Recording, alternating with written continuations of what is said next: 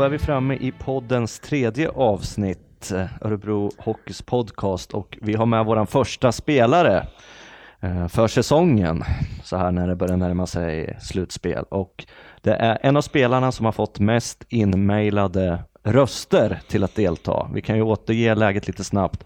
Lars Mozart Andersson, klubblegendaren, är uppe bland molnen sett till rösterna. Sen kommer Henrik Lövdahl, lagkaptenen och eh, den som man på många sätt förknippar den här klubben med. Men hack i häl välkomnar vi Marcus Weinstock. Tack så mycket. Är du förvånad över supporten? Ja, lite kanske, men eh, det är väl kul att man är uppskattad och uh, man har väl varit här ett par år och, nu så man behöver känna igen en. Du, du har ju en fantastisk, dina matchsviter är ju briljanta, du missar ju inga matcher. Nej, det, det, det är väl det har varit en skön, ganska skönt att inte få behöva göra det. Sen om det är bra eller dåligt för att man inte sticker in näsan och sådär som man får lite pika från lagkamraterna och sådär. Men nej, det har, jag har haft turen att inte bli sjuk eller skadad så det är skönt. Värsta skadan i karriären? Eh, den är nog faktiskt här mitt första år när jag var borta i sex eller sju matcher eh, när jag hade ett eh, problem med en magmuskel. Just det, just det. Ja, jätteroligt Marcus att du är hos oss. Vi ser hur långt det här inslaget blir. Du får ju den otroligt otacksamma uppgiften att försöka prata ikapp med Jens Gustafsson som var här i avsnitt två och pratade sig röd i ansiktet och dessutom sa att jag ska nog starta en egen podd. Ja, det blir nog inte så lätt att bräcka honom med hans bakgrund med allt man har gjort. Så. Nej, vi får väl se. Du är jättevälkommen i alla fall. Tack, tack. Vi börjar med en faktaruta för de som inte riktigt har koll på Marcus Weinstock. Ålder? 32. Familj? Sambo, två barn och en hund. Yrke? Ishockeyspelare. Utbildning? Eh, gymnasie. Klubbar? Oj. Eh, Färjestad, Arboga, Lexa, Växjö, Leksand, Huddinge, Örebro. Äter helst? Eh, grillat. Dricker? Ja, cola eller en kall öl. Lyssnar på? Eh, allt från musik till att eh, lillgrabben vill spela hockey.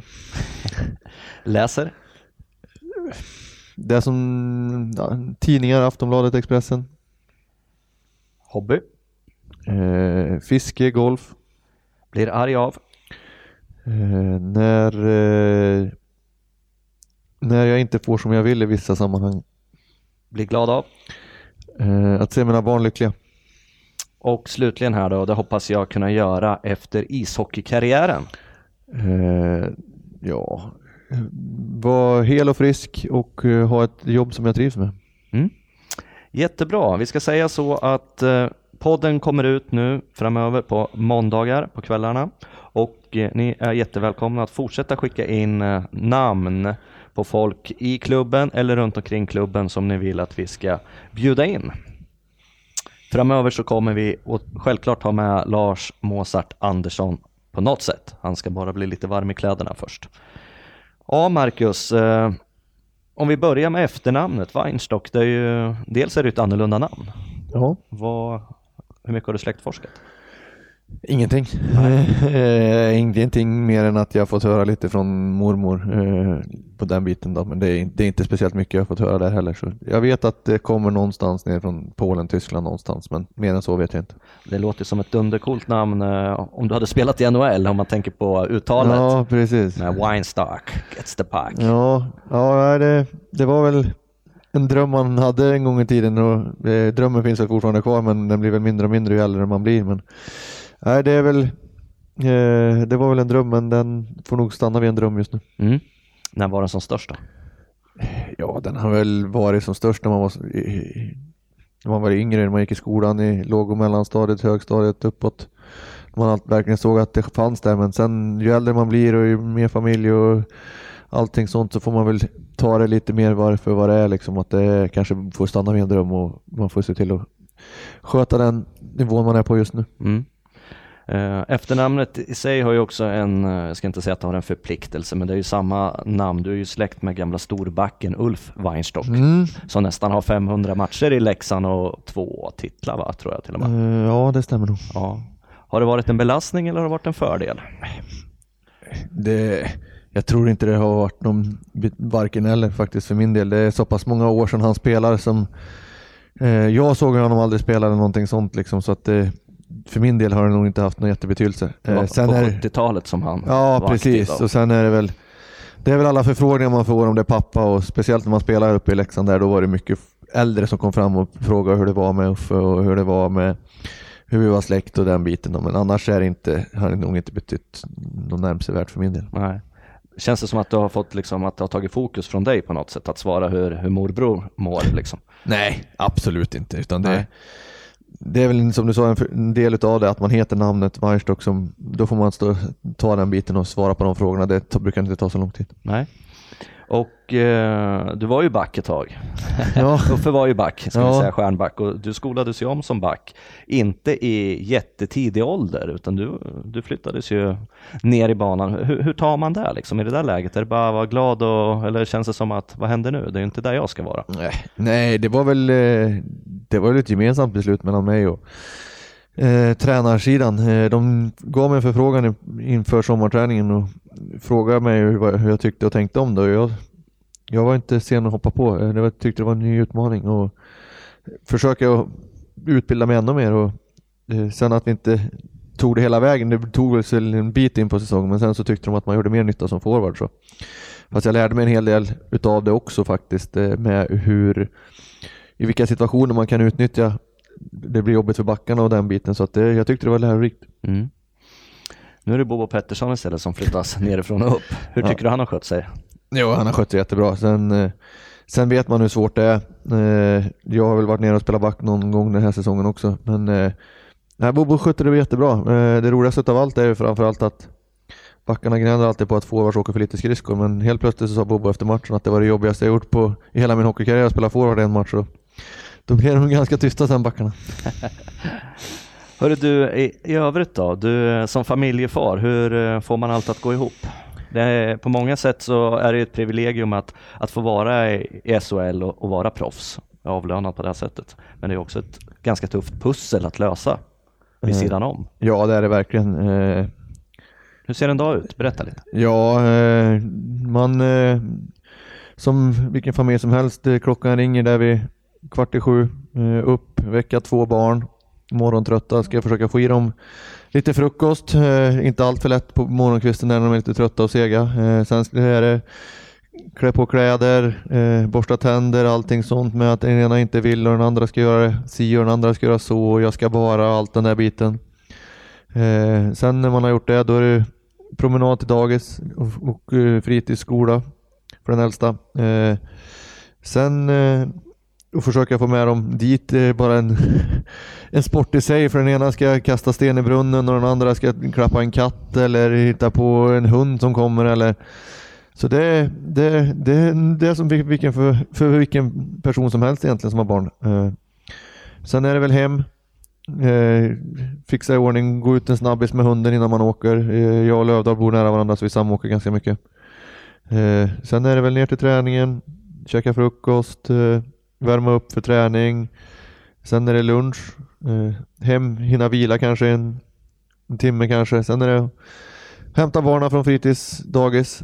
Eh, och då sen är det full fart som för vilken familj som helst. Det äldsta dottern spelar fotboll någon gång i veckan som man ska skjutsa dit. Eh, lillgrabben ska spela hockey i två, tre timmar hemma med att skjuta slagskott på allt som rör sig. Och, och den andra dottern vill måla eller spela spel. Så att, nej, det är precis som vilken, vilken person som helst egentligen. Sen är det väl ett privilegium att spela hockey och vara så pass mycket ledigt som man har mellan träningar och matcher. Det är jätte det är jätteskönt att ha det så, men sen är det ju det är mycket pusslande också för det är mycket bortamatcher och det är sena kvällar och det är den biten också. Det, sambon tar ju ett fruktansvärt stort ansvar när man tränar och spelar så pass mycket som man gör och sköter ganska mycket från på hemmabiten som de flesta spelar fruar och sambos gör eh, när man har familjer. Så att det, nej, det är klart att man är privilegium om att få ha det så, men sen, eh, sen är man nästan som en vanlig Svensson i alla fall i vissa stunder. Känner du att det blir för mycket man ibland? Att det blir tufft periodvis? Få ihop pusslet? Både ja och nej. Eh, det är väl lite skillnad för oss som inte har familjen eller familjen, mor och farföräldrar i närheten när man behöver barnvakter och sånt för att då kan det väl bli lite mer pusslande eh, som man ser det då. Eh, sen har man mor och farföräldrar på orten så kanske det blir lite lättare att få ihop pusslet också. Men det, då har man som tur är lite vänner och kompisar som man har lärt känna runt omkring som kan ställa upp och hjälpa till. Ja. Ja Marcus, du är ju en av de som har varit med på, på den här resan nu för, som Örebro Hockey är på, som har, du sa det, jag har ju, har ju varit på plats när det regnade in i, i gamla Bern Arena och, ja. och, du har sett förvandlingen, du har till och med bidragit till förvandlingen.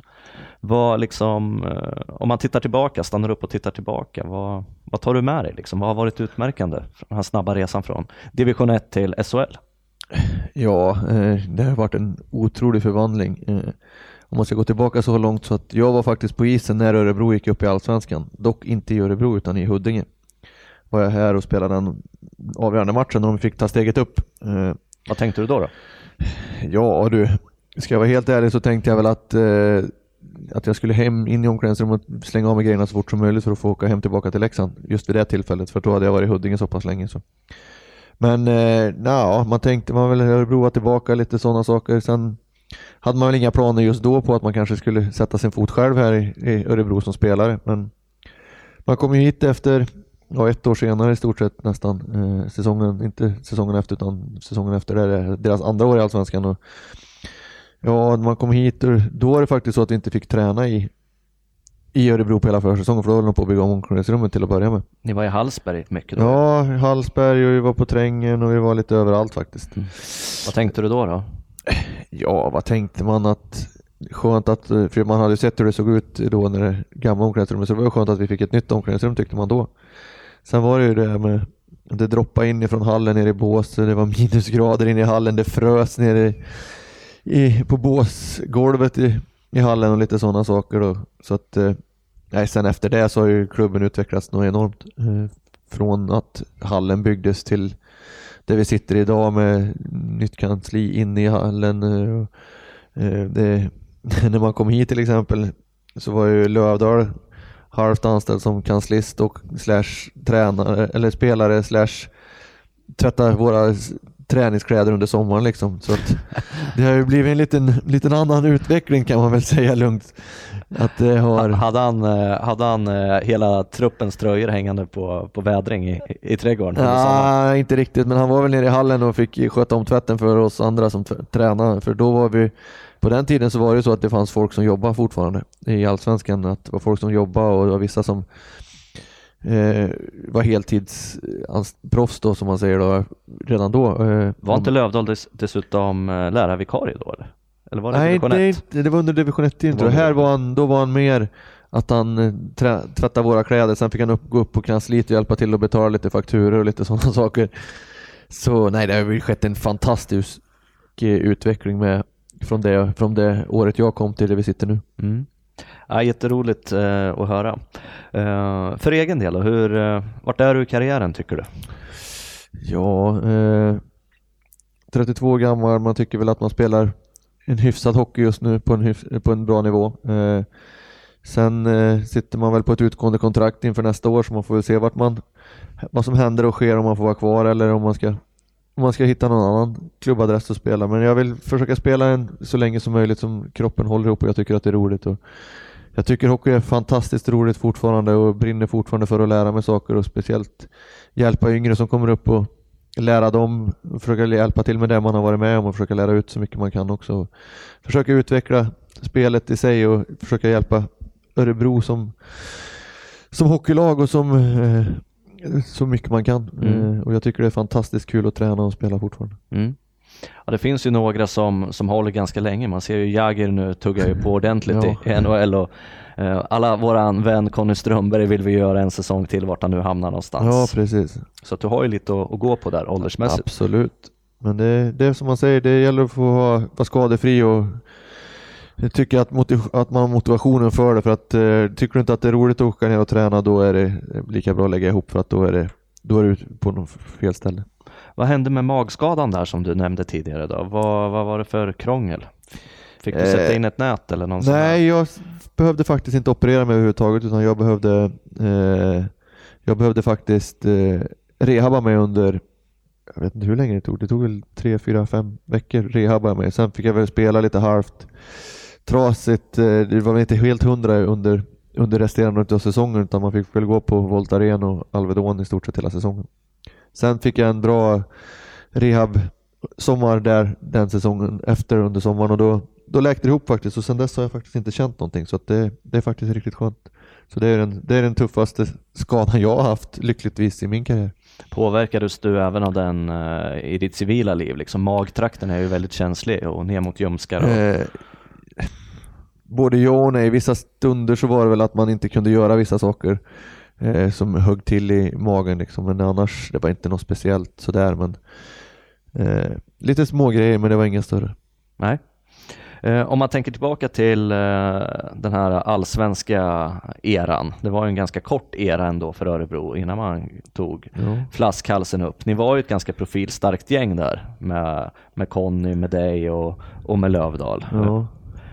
Var det sto- är, det, är, det, är det stora skillnader idag i gruppen mot hur det var då? Har ni blivit ännu proffsigare eller vad, kan du sakna den här äh, allsvenska perioden? Eller hur, hur ska, förstår du vad jag menar? Ja, jag förstår vad du menar. Eh, men både ja och nej till viss del. Eh, på den tiden så var det ju, alltså när man spelade i allsvenskan så kanske det var det var ju lika seriöst och du tränade lika hårt och du var fortfarande heltidsproffs och sådana bitar.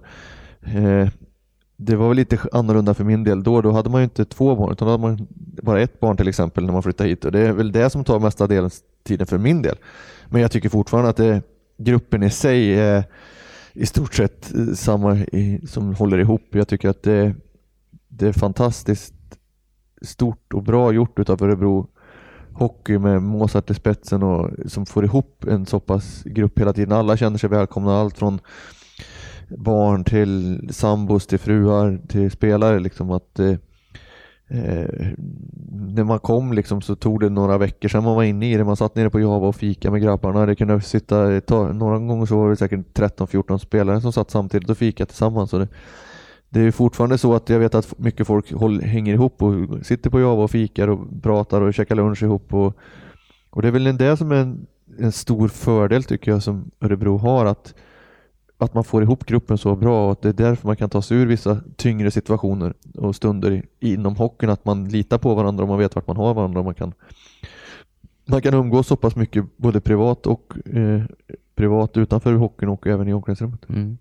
Det är värre klimat när man eh, lämnar varandra efter, efter en träning och, och sen syns man inte förrän efteråt. Nej men det är väl lite så. Det är väl det som kanske är Sen är Örebro en sån stad att alla tycker att ja, Örebro är en storstad, ja det är det, men själva kärnmässigt så är det ganska bra för att det är inte speciellt långt till någon egentligen om man säger som bor i, i som spelar i klubben. Det, det, det tar 5-7 minuter med bil och tar du cykeln tar det en kvart liksom. Det är väl det som är fördelen liksom med Örebro som stad, att den är en storstad men ändå att den är ganska kompakt så att man kan ta sig till varandra ganska enkelt. Mm. Ja, det är en väldigt slät stad och blåsig stad. Ja. Det känner man ju när man cyklar. Ja, precis. Du, dina handleder då, det är ett, eh, vad ska man säga, en av dina starkare eh, vapen, ditt handledsskott. Mm. Jag tänker många gånger, eh, jag som är skolad i innebandyn, tänker väldigt många gånger på att det är så effektivt när man kommer som ytterforward att skapa sin yta och skära in och sen mm. vrida runt. Det ser man ju många gånger att du gör dina mål så. Ja. Att du, hur, hur tänker du liksom? Nej, jag tänker väl inte, alltså det, vissa grejer sitter väl mest i ryggmärgen kan jag tycka, att man har spelat på ett visst mönster man, hela livet, att man har försökt utnyttja det, sitt skott. Eh, sen har man ju fått höra hela livet att man ska utnyttja det mer, självklart, eh, och det kan jag väl hålla med om till en viss del också. Sen är det som du säger att det, det ligger mycket träning bakom eh, garageuppfart, man har stått och skjutit med allt från vanliga puckar till blypuckar till att man har stått i efterträningar och sådana saker så att det ligger mycket bakom det men eh, det är väl någonting som man har gjort med, med glädje i, i och tyckt att det var väldigt roligt som man brinner för att bli bättre. Mm. Sen eh, kan man aldrig tvinga någon till att stå och nöta skott utan då tror jag att man då bryter man ner någon istället och man ska börja tvinga folk och säga men du måste, en förälder går ut och säger till barnen, men ställ dig och skjut för att du ska bli bättre. Utan det ska komma spontant också tycker jag, att man ska vilja det själv istället.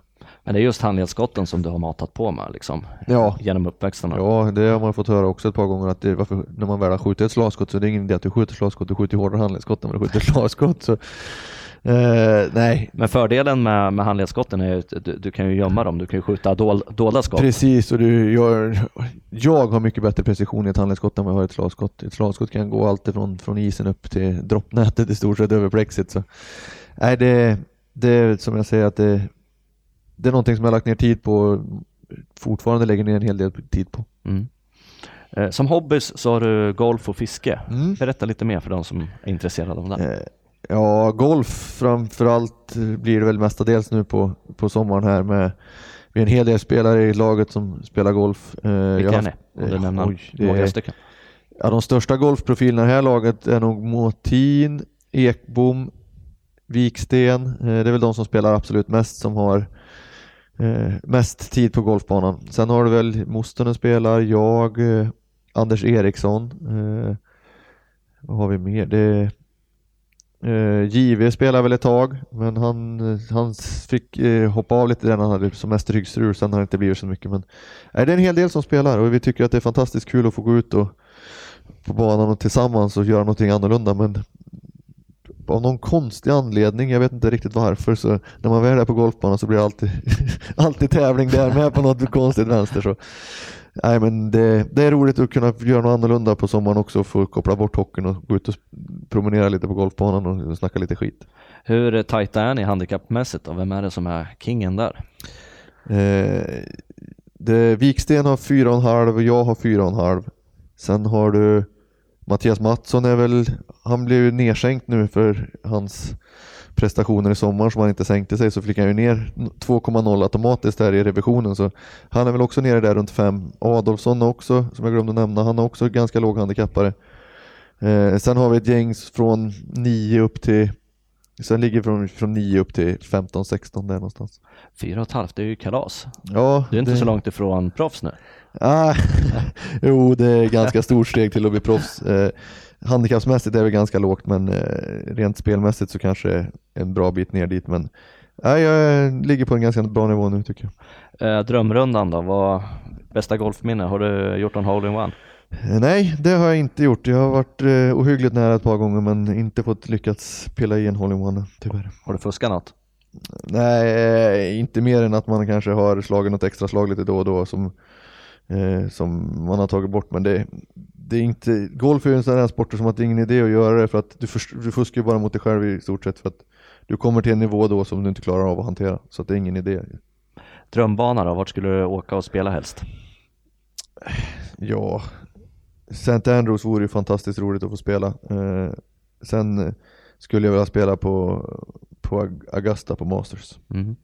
Jag har varit på St. Andrews faktiskt på Old Course Mm. och tittat på golf. Det är häftigt när man slår eh, över huset där Ja, på, på- en av de sista hålen. Ja, på 17. Det är mäktigt. Ja. Eh, fiskehistoria då? Ja, det är mest flugfiske faktiskt nu för tiden, Ja. eller mestadels. Eh, Det är, det är en bra trygghetszon att komma ut till och släppa verkligen allting. Med att man kan bara sitta och, vid älven och sitta och prata vid elden, eh, sen gå ut ställa sig i vattnet och du, du är själv liksom i naturen utan att behöva bry sig om någonting egentligen. Det blir lugnt i huvudet. Ja precis, det är en bra avslappning eh, och en bra avkoppling och få, eh, och få koppla bort allting vad som gäller fysiska biten i stort sett. Hin- Hinner du med det under säsong också? Eller?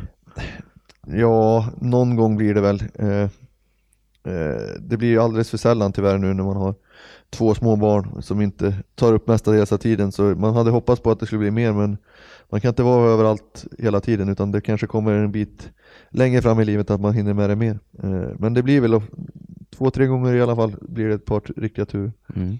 Har du någon, eh, någon superpjäs på x antal kilo som du har dragit upp?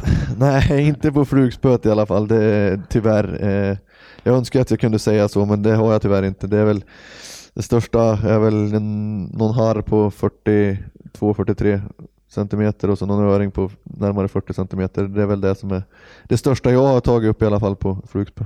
Jag intervjuade en, ehm, eh, en handbollsmålvakt en gång i tiden, han var från Balkan någonstans, jag kommer inte ihåg. Han, han älskade fiske och sen ställde jag samma fråga, så här, vad, vad är den största du har dragit upp? Och då drog han till på halvknackig engelska, berättade att han hade varit i någon sjö i ja, om det var i Bosnien eller vart det var. Och han hade dragit upp en, en fisk med traktor till slut för att den var så tung. ja, då jäklar är det bra drag i grejen i alla fall. Men det var innan smartphone och sociala medier så ja, precis. vågar inte riktigt tro på det. Nej.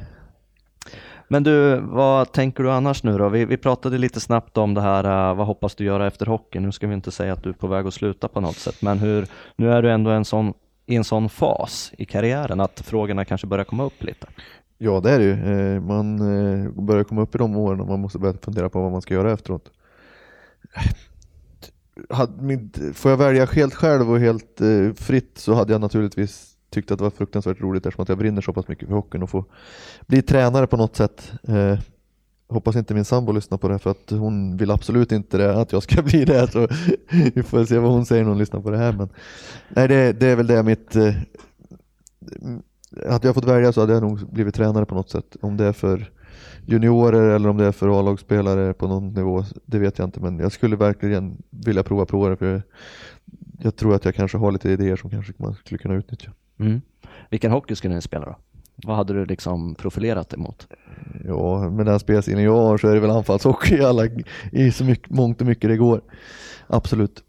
Men att kliva ner i ungdomsleden till en, till en start i sådana fall då? Eh, ja, absolut. Eh, utbilda som jag sa, jag gillar att försöka att lära ut saker och ting som man har varit med om och själv och försöka utbilda de yngre spelarna som kommer upp i hjälpa till att utveckla dem också så att eh, det, det skulle jag också inte ha något problem med men på något sätt så är det väl så att man är skolad eh, i att man vill bli så bra som möjligt så skulle man gå in i tränarkarriären så vill man väl träna på så hög nivå som möjligt det bara går också naturligtvis. Mm. Bästa tränarna som du har haft genom karriären? Ja, ska man svara de man har nu för att fjäska lite kanske? Nej, eh, skämt åsido. Eh, faktiskt så tycker jag att eh, Peter Andersson var otroligt viktig eh, för min del i, i, den, i den stadiet jag var i som spelare när jag kom hit. Eh, han gjorde otroligt mycket för min del. Så jag får Vad gjorde han? Honom. Vad gjorde han? Nej, han satte väl, ställde stora krav på mig och eh, satte hög press på att man skulle vara med och delta mycket i, i, i och leverera. Eh, och när man inte gjorde det så fick man raka besked och ärliga besked om att eh, det här håller inte, att du måste snappa upp igen och sådana saker, bitar. Så han är nog den som har betytt absolut mest för mig i min hockeykarriär just nu. Det var ju någonting i blicken där på Peter. Det ja, var, ja, det, blixtrade till i ögonen. Det vara lite svart ibland så då gällde det att välja, välja sina fighter med honom. Eh, sen var han otroligt bra på att lyssna på oss spelare också och verkligen ta till sig det vi tyckte och tänkte också. Som, som, eh, så att, nej, jag tycker att han, är, han har varit riktigt bra. Han brann ju verkligen, och det gör han väl fortfarande, för karaktärer också. Det var väldigt viktigt. Eh, han i stort sett kartlagde ju på slutet, jag ska inte säga allt vad man gjorde, men det var ju väldigt tydliga kravprofiler på nyförvärven. Ja, eh, det är, väl, det är väl där det går mer mot, framförallt i hockeyvärlden, eh, att det ska vara eh, speciella roller, rollspelare överlag liksom, men alla måste klara av en en viss bit utav hockeyspelet måste alla klara av. Sen är man lite olika beroende på om man ska vara eh, powerplay-specialist eller offensiv kraft eller om du ska vara boxplay-spelare som ska vara med och döda utvisningar och spela lite mer enkelt och rakt och rejält. Liksom. Så det gick mer och mer mot det mot eh, eh, när Peter var här och det tycker jag Örebro har byggt vidare på. Från det. Eh, jag tycker vi hade ett fantastiskt eh, fantastiska lag de åren Peter var här och vi lärde oss mycket rent emot att, eftersom att vi gick till kvalserien i två år först innan vi gick, tog steget upp och vi lärde oss mycket under de två åren. Mm.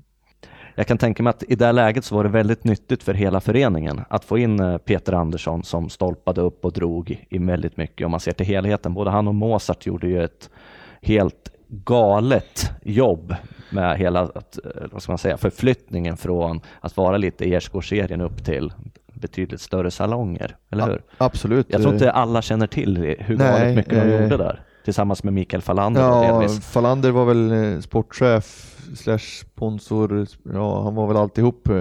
Peter och Mozart gjorde också fantastiskt mycket, inte bara var, satt och var hockeytränare utan de fick hjälpa till på kansliet med det ena och det andra. Och som, som du sa där att Peter verkligen tog tag i saker och ting och drev klubben framåt med att vi var tvungna att ha visst med säljare och sponsorer och det var fystränare som vi tog in första året när jag var här till exempel, då hade vi ingen heltidsanställd fystränare. Andra året så kommer Mattias Mattsson in och gör ett fantastiskt jobb. Eh, som är fortfarande här och jobbar med oss. Eh, så att det, det är det som är, det var det han gjorde och han Peter är en vinnarskalle ute i fingerspetsarna. Eh, det lämnas ingenting åt slumpen direkt kan man väl påstå. Nej. Har du någon kontakt med honom idag? Nej, inte mer än att man springer på honom här i Örebro lite då och då. Ja. Ni var ju nere i Schweiz på några försäsongsläger också mm. och mötte honom i Lugano. Ja. Hur gick tugget då?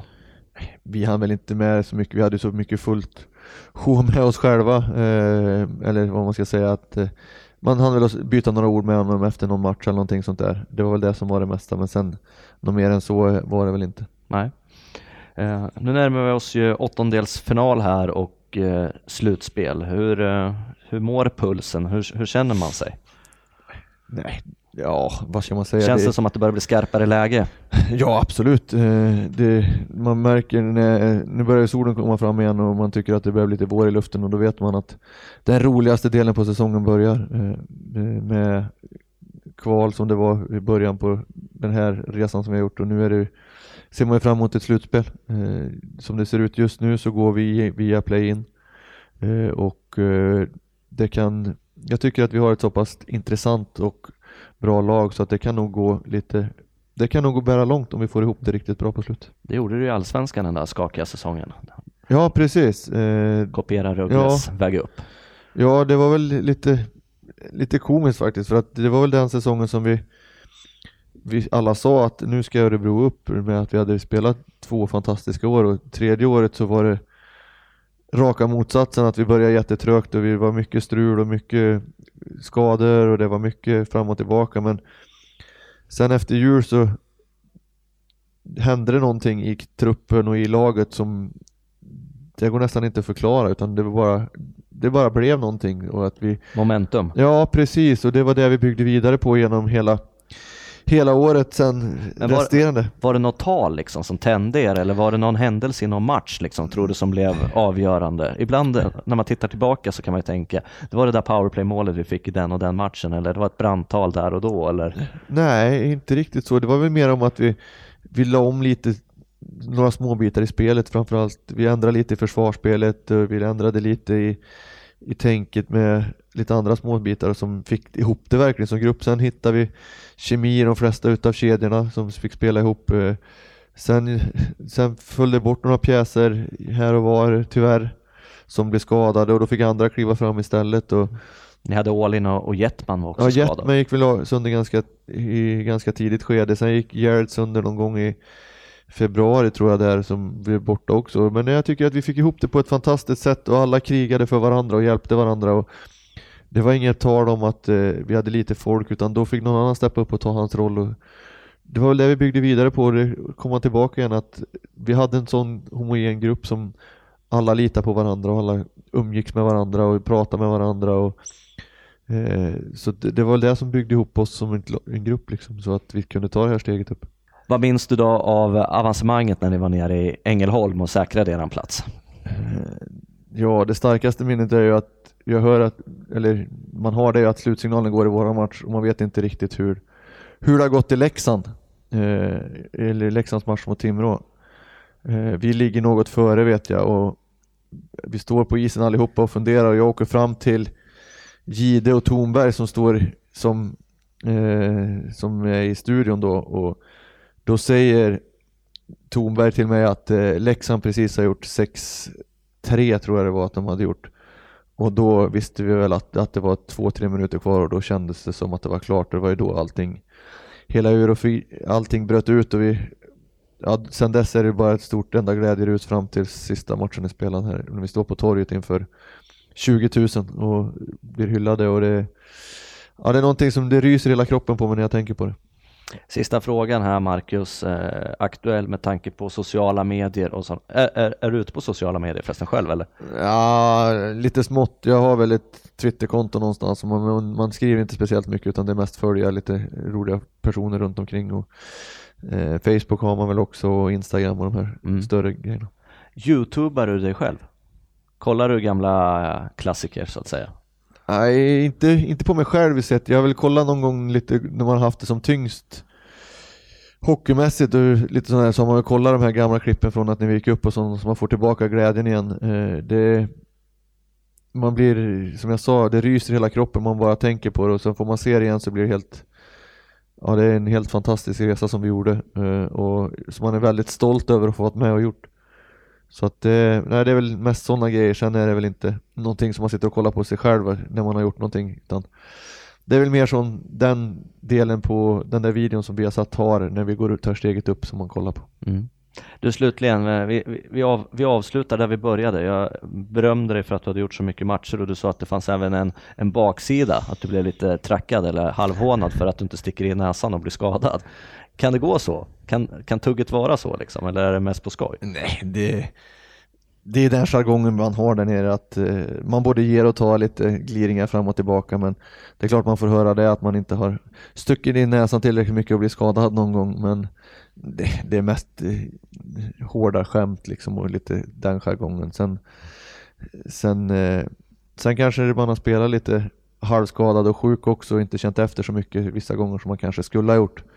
Man har väl varit, varit lite dumdristig vissa gånger men ja, ja, det är sånt som har hänt och det kanske man får ta lärdom av längre fram men man vet aldrig vad man hittar på längre fram. Vi ska avsluta med att säga att eh, Marcus Weinstock var våran tredje gäst i den här eh, nystartade podden. Första gäst var Emil Kåberg, andra gäst var junioransvarige Jens Gustafsson. Ni är varmt välkomna att fortsätta att skicka in tips. Vi ska se till att vi får in Lars Mozart Andersson i studion och vi ska självklart se till att vi får hit Henrik Lövdahl framöver. Eh, är det någon Marcus du kommer på sådär som du skulle vilja lansera? Uh, oj, Eh, ja, det finns väl några där nere i omklädningsrummet som kan vara, ha lite stories att lyssna på men uh, ja, inte som jag kommer på nu. Det var de som skulle vara i så fall är det väl Wiklander som är har en hel del järn i elden med allt från att uh, spela hockey till att vara ambassadör för ett företag med sidan om som har diverse drycker. Ja. Och sen har ni en speciell målvakt också som uh, ja. har slagit hockeyvärlden med Ja, stor. han har nog en annan historia han kan berätta om också. Han har, eh, jag tror det är tusen följare nu på Facebook som är från Slovakien Oj, och ja. Tjeckien. Då, ja, det, det förvånar mig inte. Nej. Stort tack Marcus Weinstock för att du deltog här idag. Tack så mycket. Och lycka till framöver. Tack, tack.